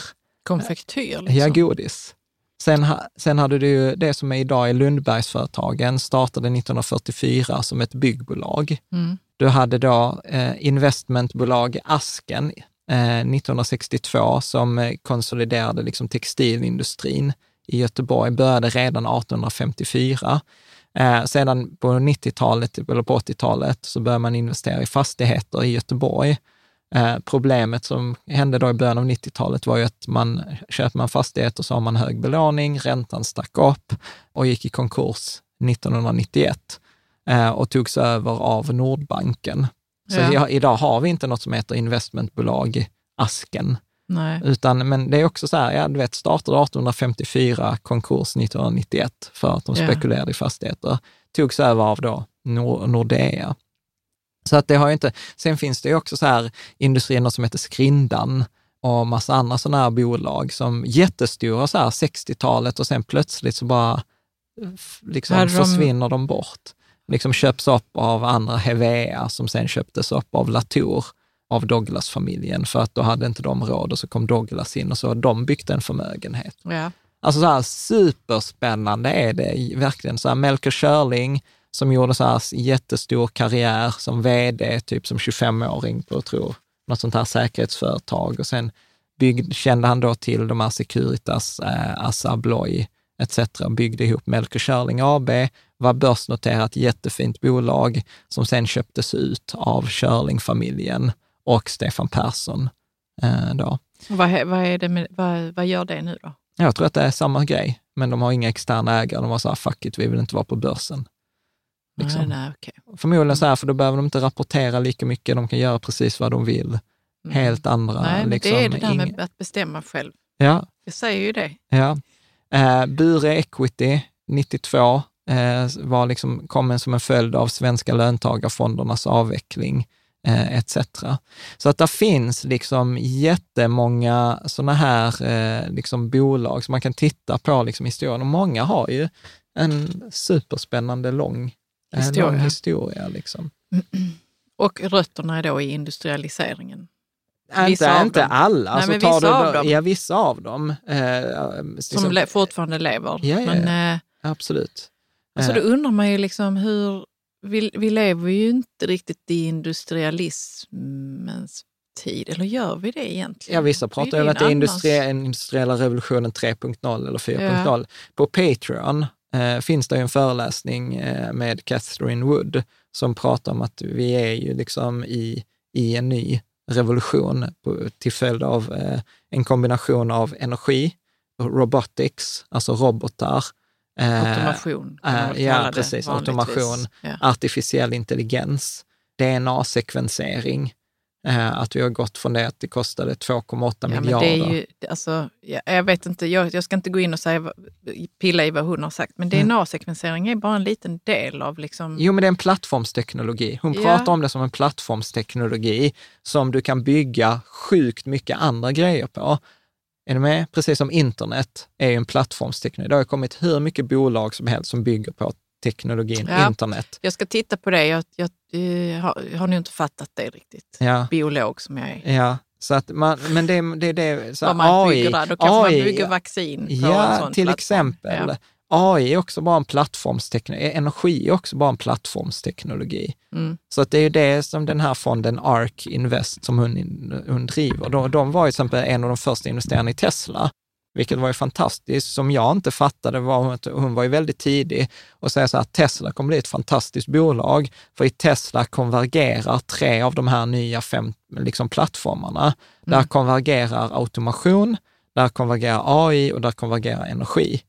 Liksom. Och sen applicerade Tesla Så det de var inte tre bara för att hon plattformarna. tyckte om Tesla, utan hon Nej. såg att det var en, Ja, tre olika att de byggde, Mm. de byggde precis som det kommer andra bolag som bygger på, liksom som kan göra sin grej för att det går att sekvensera ett, ett en genom för under tusen spänn. Det är på en liksom, timme. typ. ja. Ja. Är du med? Mm. Och sen det sista, plattformsteknologin, där jag är lite mer skeptisk, eh, där hon pratar om liksom blockchain. Blockchain kan vara en sån plattformsteknologi, men hon, hon, jag upplever att hon blandar det med krypto. Det, och det kommer vi ta en, ett annat avsnitt. Vi måste titta närmare på det. Jag tror inte att hon är dum i huvudet som, gör, som pratar om det nu. Som Nej, en men- annan eh, nej, typ av men- möjlighet. Ja, vi, vi tar det i ett ja, annat tar det ett annat avsnitt. Ja, men Nu, eh, hoppar vi tillbaka, hoppar vi till, till, till svenska löntagarfondernas avveckling. Nej, men sen det finns många andra då bolag som äger andra bolag. Vi har varit inne lite på det, så holdingbolag eller konglomerat eller industrigrupper. ja. Eh, liksom. Och det finns, alltså detta har jag inte sett någon annanstans, så att vi har faktiskt byggt ihop en sån lista på forumet. Jag tror där vi har 55 svenska bolag som äger andra bolag, alltså fler än ett eh, liksom, bolag. Alltså till exempel ICA-gruppen har vi med och massa andra. Sen finns det ju liksom massa onoterade investmentbolag som, man, liksom är svåra att bli delägare i, förutom är onoterade. Det kommer vi prata om i nästa veckas avsnitt. Alltså till exempel Axel Jonsson, eh, Jonsson-familjen, Stena-familjen har ju också valt att ha sitt utanför. Melker Schörling, eh, Stena Adactum, då, Storskogen, Spiltan. Hur tjänar man pengar på dem då om man nu kommer med? Liksom? I, för jag vet att eh, som Storskogen ska ju bli börsnoterat, Ja. men är inte det. Så då Nej. kan det vara felprissatt och så kan man, Ja, ja, kan precis. man då eh, men nästa ta tjäna Spiltan, ja, men. Spilt, ja, men Spiltan är ju ett onoterat. De kan man till Mm. exempel köpa på en eh, marknad som heter alternativa Mm. investeringsmarknaden och då är det handel en gång i månaden till exempel. Storskogen har ju ingen officiell handel, det har ju inte de andra heller, utan då behöver man ofta hitta en annan aktieägare och så prata med dem och så säga jag vill köpa dina aktier och så får de säga ja eller Men nej. varför vill man ha aktierna i de onoterade? Eh, Det kommer vi prata om i nästa Mm. bolag. För att många av de här investmentbolagen äger onoterade bolag. Så det är ett bra sätt att istället för att köpa de onoterade bolagen själv, så köper man dem via investmentbolagen. Så gör investmentbolagen eh, liksom de, den typen av investeringar. Men det kommer i nästa avsnitt. Eh, konglomerat, eh, industrigrupper, det har vi pratat om, till exempel BRF, Lifco, Adlife, eh, Indutrade, ICA-gruppen. Ja, så det finns liksom massa så. Utländska, finns ju ganska många utländska bolag. Berkshire Hathaway, Warren Buffetts bolag, eh, LVMH, Mm. Louis Vuitton, Tennessee eller vad fan de heter. Det är något lyxkonglomerat. Ja, de äger till exempel Louis Vuitton, de äger många champagnemärken. Jag tror de äger Louis Kryg. Vuitton. Vad heter det? Louis Vuitton. Ja, jag vet. Jag har aldrig Det är inte. S där i alla fall. Okej. Strunt samma, du behöver inte kunna Ja. säga det. Novo Nordisk, Mm. Johnson Johnson, 3M, eh, Lövs. Alltså där Vad sa finns du med Novo Nordisk? är också ett, eh, alltså en industrigrupp. Ja, De Okej. äger massa andra jag tänker bolag. inte på dem så, men det är Nej. de säkert. Ja. Mm. Eh, liksom. eh, och sen så finns det, det kommer vi prata om i nästa avsnitt eh, också, i, i, utomlands så finns det inte riktigt så här investmentbolag, eh, utan det finns något som heter closed end funds. Eh, och closed end funds är liksom en fond som tar in pengar en gång och sen förvaltar den pengarna. En, en vanlig fond kan du ta in och ut pengar när som helst, så det är open-ended fund eh, eller private equity. Så att det är liksom motsvarigheten. Så man kan väl säga så här att en closed end fund och ett investmentbolag är mer lika än de är olika. Men där finns ändå några liksom olikheter. Och det, och det är det som gör det exempel svårt, för det finns väldigt lite forskning på svenska investmentbolag, men det finns ganska mycket forskning på closed end investment funds. Mhm. Så det kommer vi prata om lite. Men så Och- man kan sätta in pengar, men man kan inte ta ut dem hur som helst. Nej, men de tar inte in nya pengar. Eh, och då är det precis, då är det en begränsad mängd pengar som de förvaltar under en viss tidsperiod. till exempel. Eller Ja, att de ska du får berätta mer om det sen varför Ja. man vill sätta sina pengar där. Ja, men av samma anledning som ett svenskt investmentbolag. För att man tror att man kommer, de kommer göra en bättre förvaltning av ens pengar än vad man kan göra själv. För att de kan göra saker som är svåra att göra själv. Men detta är säkert hur eh, naturligt som helst för dig, men jag har ju inte hört talas om detta innan. Vadå? Eh, Sådana här closed end funds. Nej, Och då, kan jag, då väcks det, många, det väcker många frågor hos mig. okej. Ja, men alltså Eh, tänk på det som ett Och investmentbolag. då måste jag ju liksom, då tänker jag så, men då måste jag ju ändå veta så att jag kommer tjäna rätt bra med pengar om jag ska ha mina pengar där under fem år eller vad det kan vara. ja. Eller hur? ja, men det är ju till exempel så här, vi har ju gjort en del sådana såna affärer. Då, säger, då är det till exempel ett gäng människor, till exempel tre, fyra förvaltare som säger så här, vi har någon idé. Vi vill, vi vill konsolidera den här marknaden för den är fragmenterad. Det finns till exempel ja, ett, ja, ja, visst. ett, ett, eh, ett bolag som började, ett riskkapitalbolag som eh, började som så här, ja men vi har en idé att vi vill köpa onoterade bolag, slå ihop dem och börsnotera dem och sälja dem till ett annat riskkapitalbolag. Sen upptäckte de längs vägen att den svenska marknaden för eh, biltvättar är sjukt fragmenterad. Förut, bortser man från, eh, bi, eh, vad heter det, bortser man från eh, bensinstationer så fanns det inget bolag i Sverige som ägde mer än fem automatiska biltvättar. Mm. Ja. Och då insåg de så här, okej, detta är nog en bra idé som vi kan dra skalfördelar av. Och sen så sa man till eh, sina investerare, då oss bland annat så här, vill ni vara med på den här resan där vi kommer konsolidera den svenska nordiska biltvättsmarknaden? Och så startade man ett bolag som heter Glimra, Ja. som nu köper upp biltvättar överallt i Sverige. Ja, varför investerade vi i det? Jo, för att vi tyckte så här, ja, du och jag kommer inte sitta och konsolidera den svenska biltvättsmarknaden på kvällarna. Då gav vi våra pengar till någon och så hoppas vi att det kommer ge oss en bättre avkastning över en femårsperiod än vad det hade gjort att lägga dem i en indexfond. Mm. Är du med? Ja, ja, absolut. Ja. Också ett, annat, ett sätt att sätta pengarna någon annanstans. Ja. Liksom. Mm. Ja. Är du med? Och, Mm. och återigen, detta är någonting vi gör i lekhinken. Ja. För att så här, vi vet inte när vi kommer få ut pengarna, vi vet inte hur mycket pengar vi kommer få ut, vi vet inte ens om vi kommer få ut pengarna och så vidare. Mm. Så att det är, det är Så jättemycket det är risk. closed end. Ja, det är ett exempel så på exempel en Mm. closed end. Inte riktigt, men, Men åt det be- hållet, Åt det ja. hållet Mm. liksom. Okej? Ja. Och den finns på forumet, den här listan med alla de här bolagen. Det finns länk i, i beskrivningen. Och sen också som vi har varit inne på, många av de här bolagen är ju eh, då investmentbolagen, är ju liksom olika svenska rika familjers maktbolag Ja. kan man säga. Så det är ju deras, man, man är så här, okej, någon i släkten byggde upp detta, man har förvaltat det, du föds in i att din uppgift är att förvalta det så att framtida generationer kan leva på avkastningen av det här. Mm. Så det är så många liksom lever att liksom försörja sitt eget liv för att de äger aktierna och så lever de på avkastning. För de kan inte sälja, man vill inte vara den som liksom sålde aktierna eller som inte liksom förde arvet vidare. Länken som Ja. inte förde det vidare. Exakt. Nej, Och nej, nej, absolut. och Och det då- är säkert otroligt eh, traditionstyngt på något vis. Ja, och du, du, du liksom så här växer in. Det finns en jättebra intervju på, på det är New som York. en kunglighet nästan. Ja, I New Yorker så var det, jag ska se om jag hittar den, vi kan se om Caspian hittar länken, om det var en av arvtagerskan till Disney, eh, pratade om hur av arvtag... tagerskorna Ja. till Disney Mm. pratar om, jättespännande artikel där hon pratar om hur det är att växa upp med att vara arvtagare till Disney. Liksom att hon pratar framförallt utifrån perspektivet att ha oändligt med pengar, att det inte är typ så fantastiskt. Liksom. Och så berättar hon så här, ja, men, Nej, mycket ansvar med det. Att, Jättemycket ansvar och förväntningar och sen säger hon också den här liksom anpassningen. Har du liksom flugit ekonomiklass och flyger första klass, ja då vill man typ inte flyga ekonomiklass. Men har du flugit första klass och sen flyger privatjet, ja då vill du inte flyga första klass längre. Har du flugit privatjet så vill du ha ett eget flygplan. ja, ja, absolut. vet. Men jag tänker också att det passar inte alla väl som föds in i detta. Det Nej, måste hon- ju vara hon en vissa som säger så, rebell. okej, eh, jag vill vara, bli konstnär. Ja, Jag hon vill- blir ju det. Ja. Eller är ju det. Mm. Ja. Och då, eh, då måste det ju vara så att det finns andra som kan, ja. Och många, förhoppningsvis då, andra som kan och- ta över den rollen och tycka att det är Ja. jättebra att få vara den som för traditionen vidare. ja. Och detta har du ett problem i det lilla också, så det är många som ärver skog. Mm. Du vet så här, vi har haft denna skogen, jag är fjärde generationens skogsägare. Och jag är så här, grattis till en shitpuck. Eh, liksom, för du ska Ja, förlåt sköta... att jag skrattar. Nej, men det är inte roligt. Nej, Nej, för om man ska inte du- trivs med det. Nej, för att du ska du liksom med de förväntningarna som kommer med det som vi pratade om i avsnittet med Moa, varför är det så svårt att prata med pengar? För där kommer ju en förväntning. Särskilt en sån grej i släkten.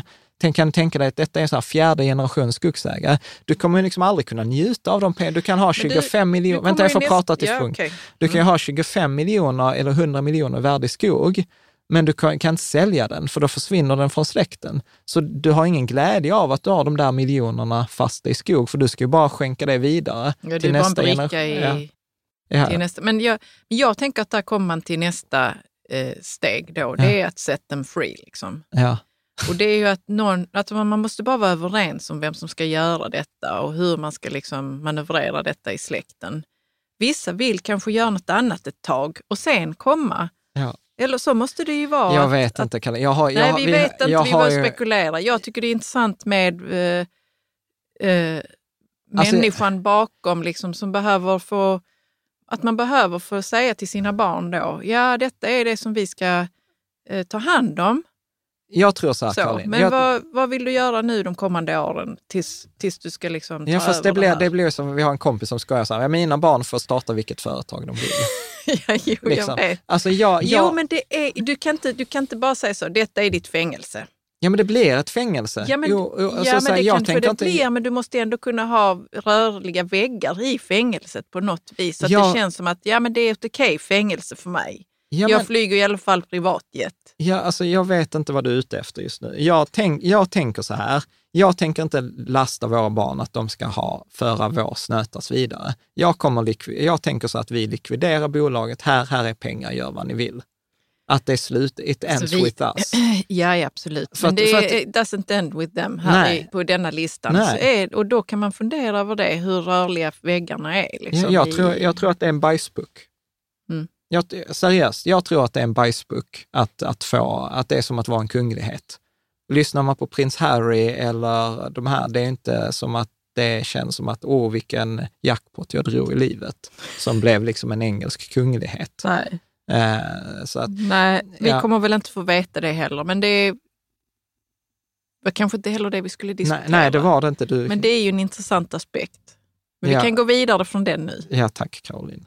Nej, men då har jag bara gjort en lista, så vilka är liksom stora Maktbolagen, ägarna i de här, Mm. till exempel Bure, då är det Tigersköld-familjen som äger över 10 procent.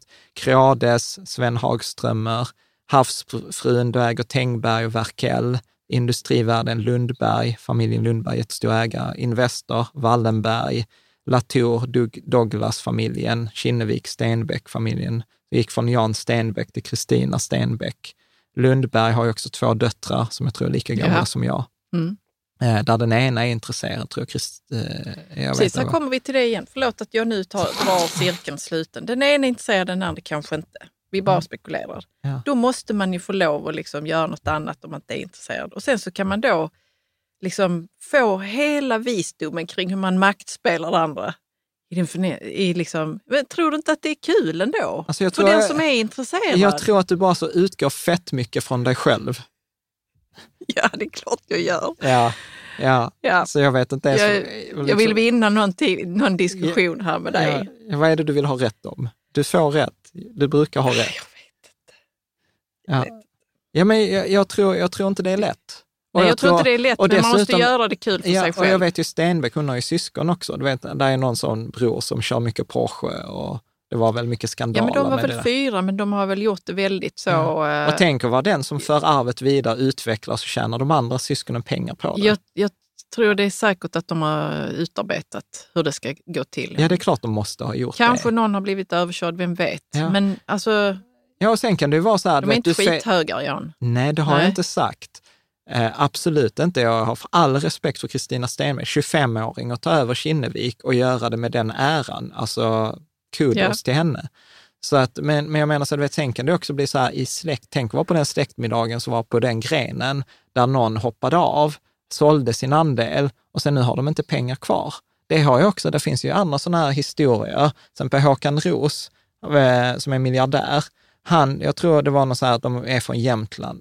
Nu vet jag inte, nu är så här, bara som kommer från bakhuvudet, det kan vara jättefel. Men han är någonstans uppåt landet. Hans föräldrar också ägde, liksom, jag tror de ägde någon sparbank eller någonting sånt. Det var några syskon, de fick varsin påse med pengar. Håkan Roos utvecklade det, köpte in sig i massa techbolag, gjorde fantastiska affärer, miljardär. Mm. Mm. De andra did not. Ja. Liksom. Eh, och liksom, ja, jag, jag tror inte det är lätt. Jag tror Nej. inte det är lätt. Alltså. Ja, ska vi, lever fortsätta? inte för att det ska vara lätt, Jan. Nej. Nej. Eh, Körling har vi pratat om, Ratos, Söderberg, Öresund, Kviberg. etc. Så det finns massa eh, Ja. liksom andra. Hur många har vi här? Det är väl Jag tror bara jag tog 12, jag pallade Ja. inte göra fler. Nej. Så, och de här bolagen som vi har varit inne på äger ju andra bolag. Så här har jag bara, eller Caspian snarare, gjort en, en graf på liksom, exempel Investors eh, innehav per 31 december. Liksom att de äger så 19 procent i Atlas Copco, Atlas, de här verkstäderna. De äger Mölnlycke, ABB, AstraZeneca, SEB, EQT, Epiroc, Ericsson Yeah liksom och så vidare. Så att när man då köper, det är ju därför om jag skulle rekommendera någon att köpa aktier, så rekommenderar jag nästan alltid investmentbolag framför något annat. För att genom att lägga 100 kronor i Investor så får du lite grovt 19 kronor i Atlas Copco, 19 kronor i Mölnlycke, 15 kronor i ABB, 10 kronor i SEB. Liksom, Alltså det är en diversifiering. Så att det blir en jättebra Ja. liksom, diversifiering. Du Ja. liksom sprider liksom, riskerna. Men här blir det också en skillnad mot en klassisk fond. Vi var inne på lite likheter och skillnader innan. Att i, en, i, en, eh, ett investmentbolag så är antalet aktier begränsat. Är du med? Så man kan inte ta in nya pengar i ett investmentbolag förutom vid en nyemission. När bolaget säger nu behöver vi ta in pengar så vi ger ut nya aktier. Medan en fond kan ju ta in och ut pengar på dagsbasis. Och detta kommer ju ge, som vi kommer att prata om, detta är egentligen en krattning inför nästa avsnitt. För detta skapar ju att, att en fond har egentligen inget mervärde än det innehaven de har. Medan ett investmentbolag så blir det en tillgång och efterfrågan på investmentbolagsaktien. Om Wallenberg sitter på alla aktierna och inte vill sälja, så blir ju liksom tillgången låg. Blir då efterfrågan hög, ja då kommer ju aktien öka i värde. Så det kan aldrig ske med en fond. För då säger de så här, ja, ni vill lägga in 100 miljoner till. Ja, men det är okej, här är 100 000 nya andelar. Mm. Ja, okej, ni vill ta ut pengar. Ja, men då stryker vi 100 000 andelar. Doesn't work that way. Bra. Och det var vi också inne på där. Och eh, sen finns det ju också, för att göra detta lite mindfuck, så finns det ju fonder som investerar i investmentbolag. Ja, det är klart det finns. Ja. Ja, Och då finns, då, då finns det några stycken. Den, den mest kända, som är liksom en av de absoluta favoritfonderna då i Sverige, mest ägare, är Spiltan Aktiefond Investmentbolag. Och vi kommer att prata i det i del tre, kommer vi dyka ner det exakt vilka innehav den har, om det är bra eller dåligt.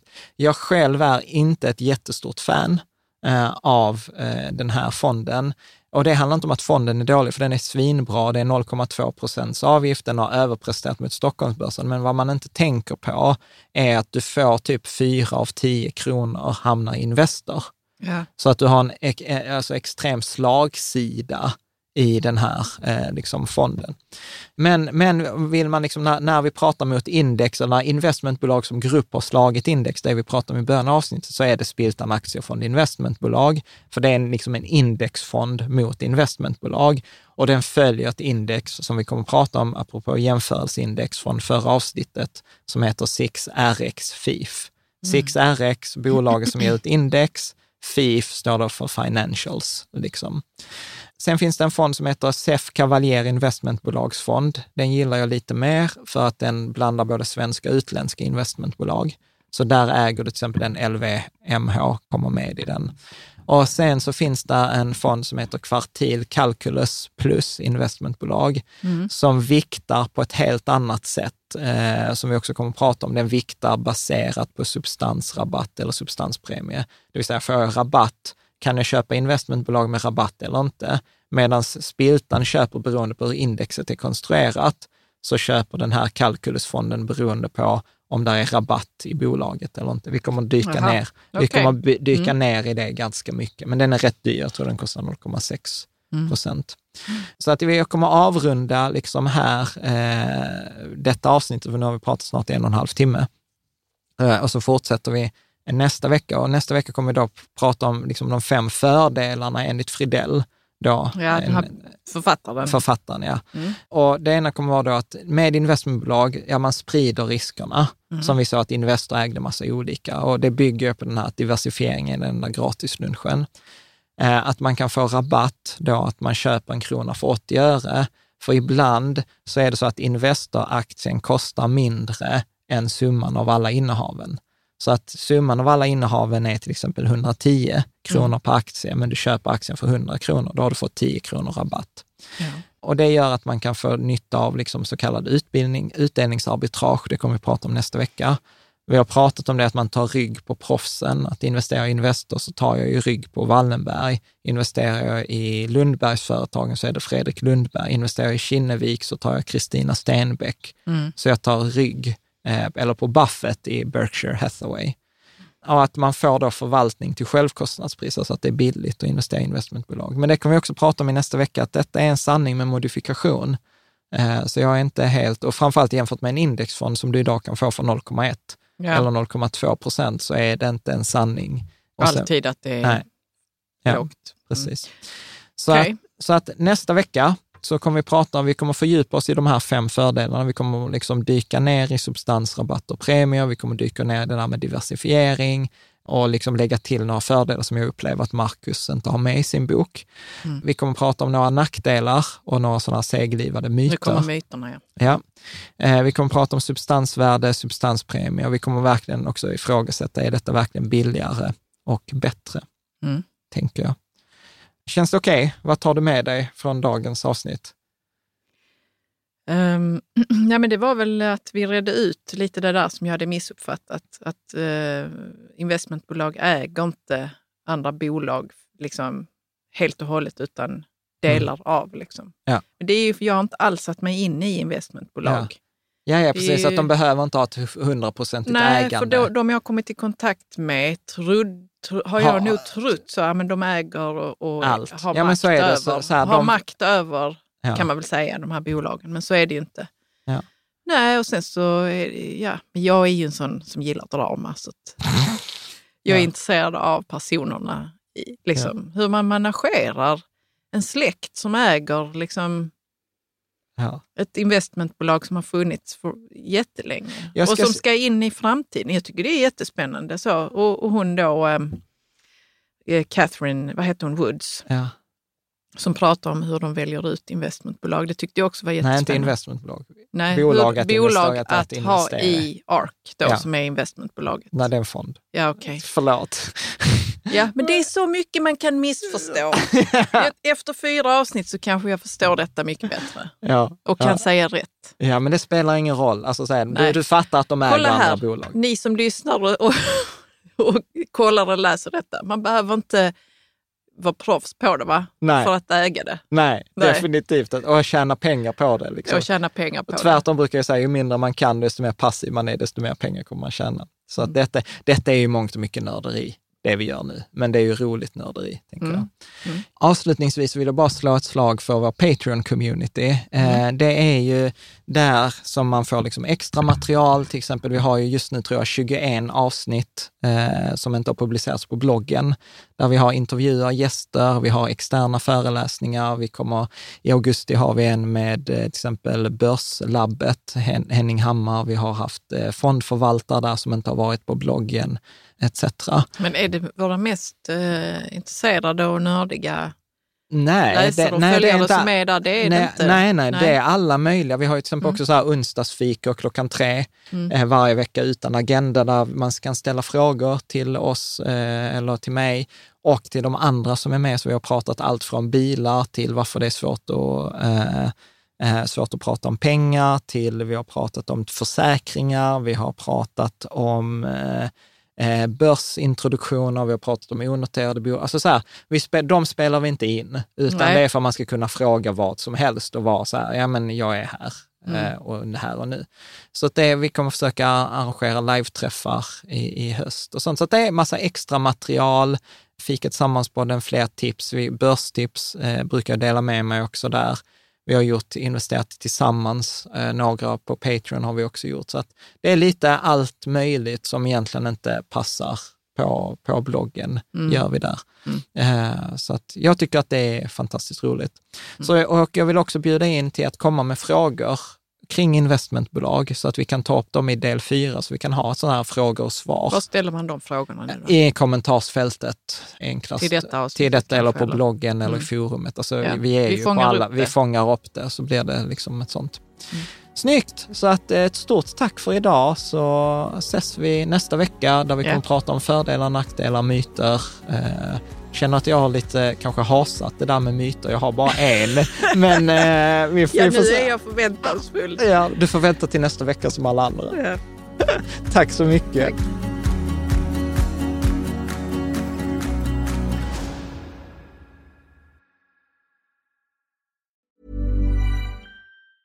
Hey, it's Danny Pellegrino from Everything Iconic. Ready to upgrade your style game without blowing your budget? Check out Quince. They've got all the good stuff shirts and polos, activewear, and fine leather goods, all at 50 to 80% less than other high end brands. And the best part? They're all about safe, ethical, and responsible manufacturing. Get that luxury vibe without the luxury price tag. Hit up quince.com slash upgrade for free shipping and 365 day returns on your next order. That's quince.com slash upgrade.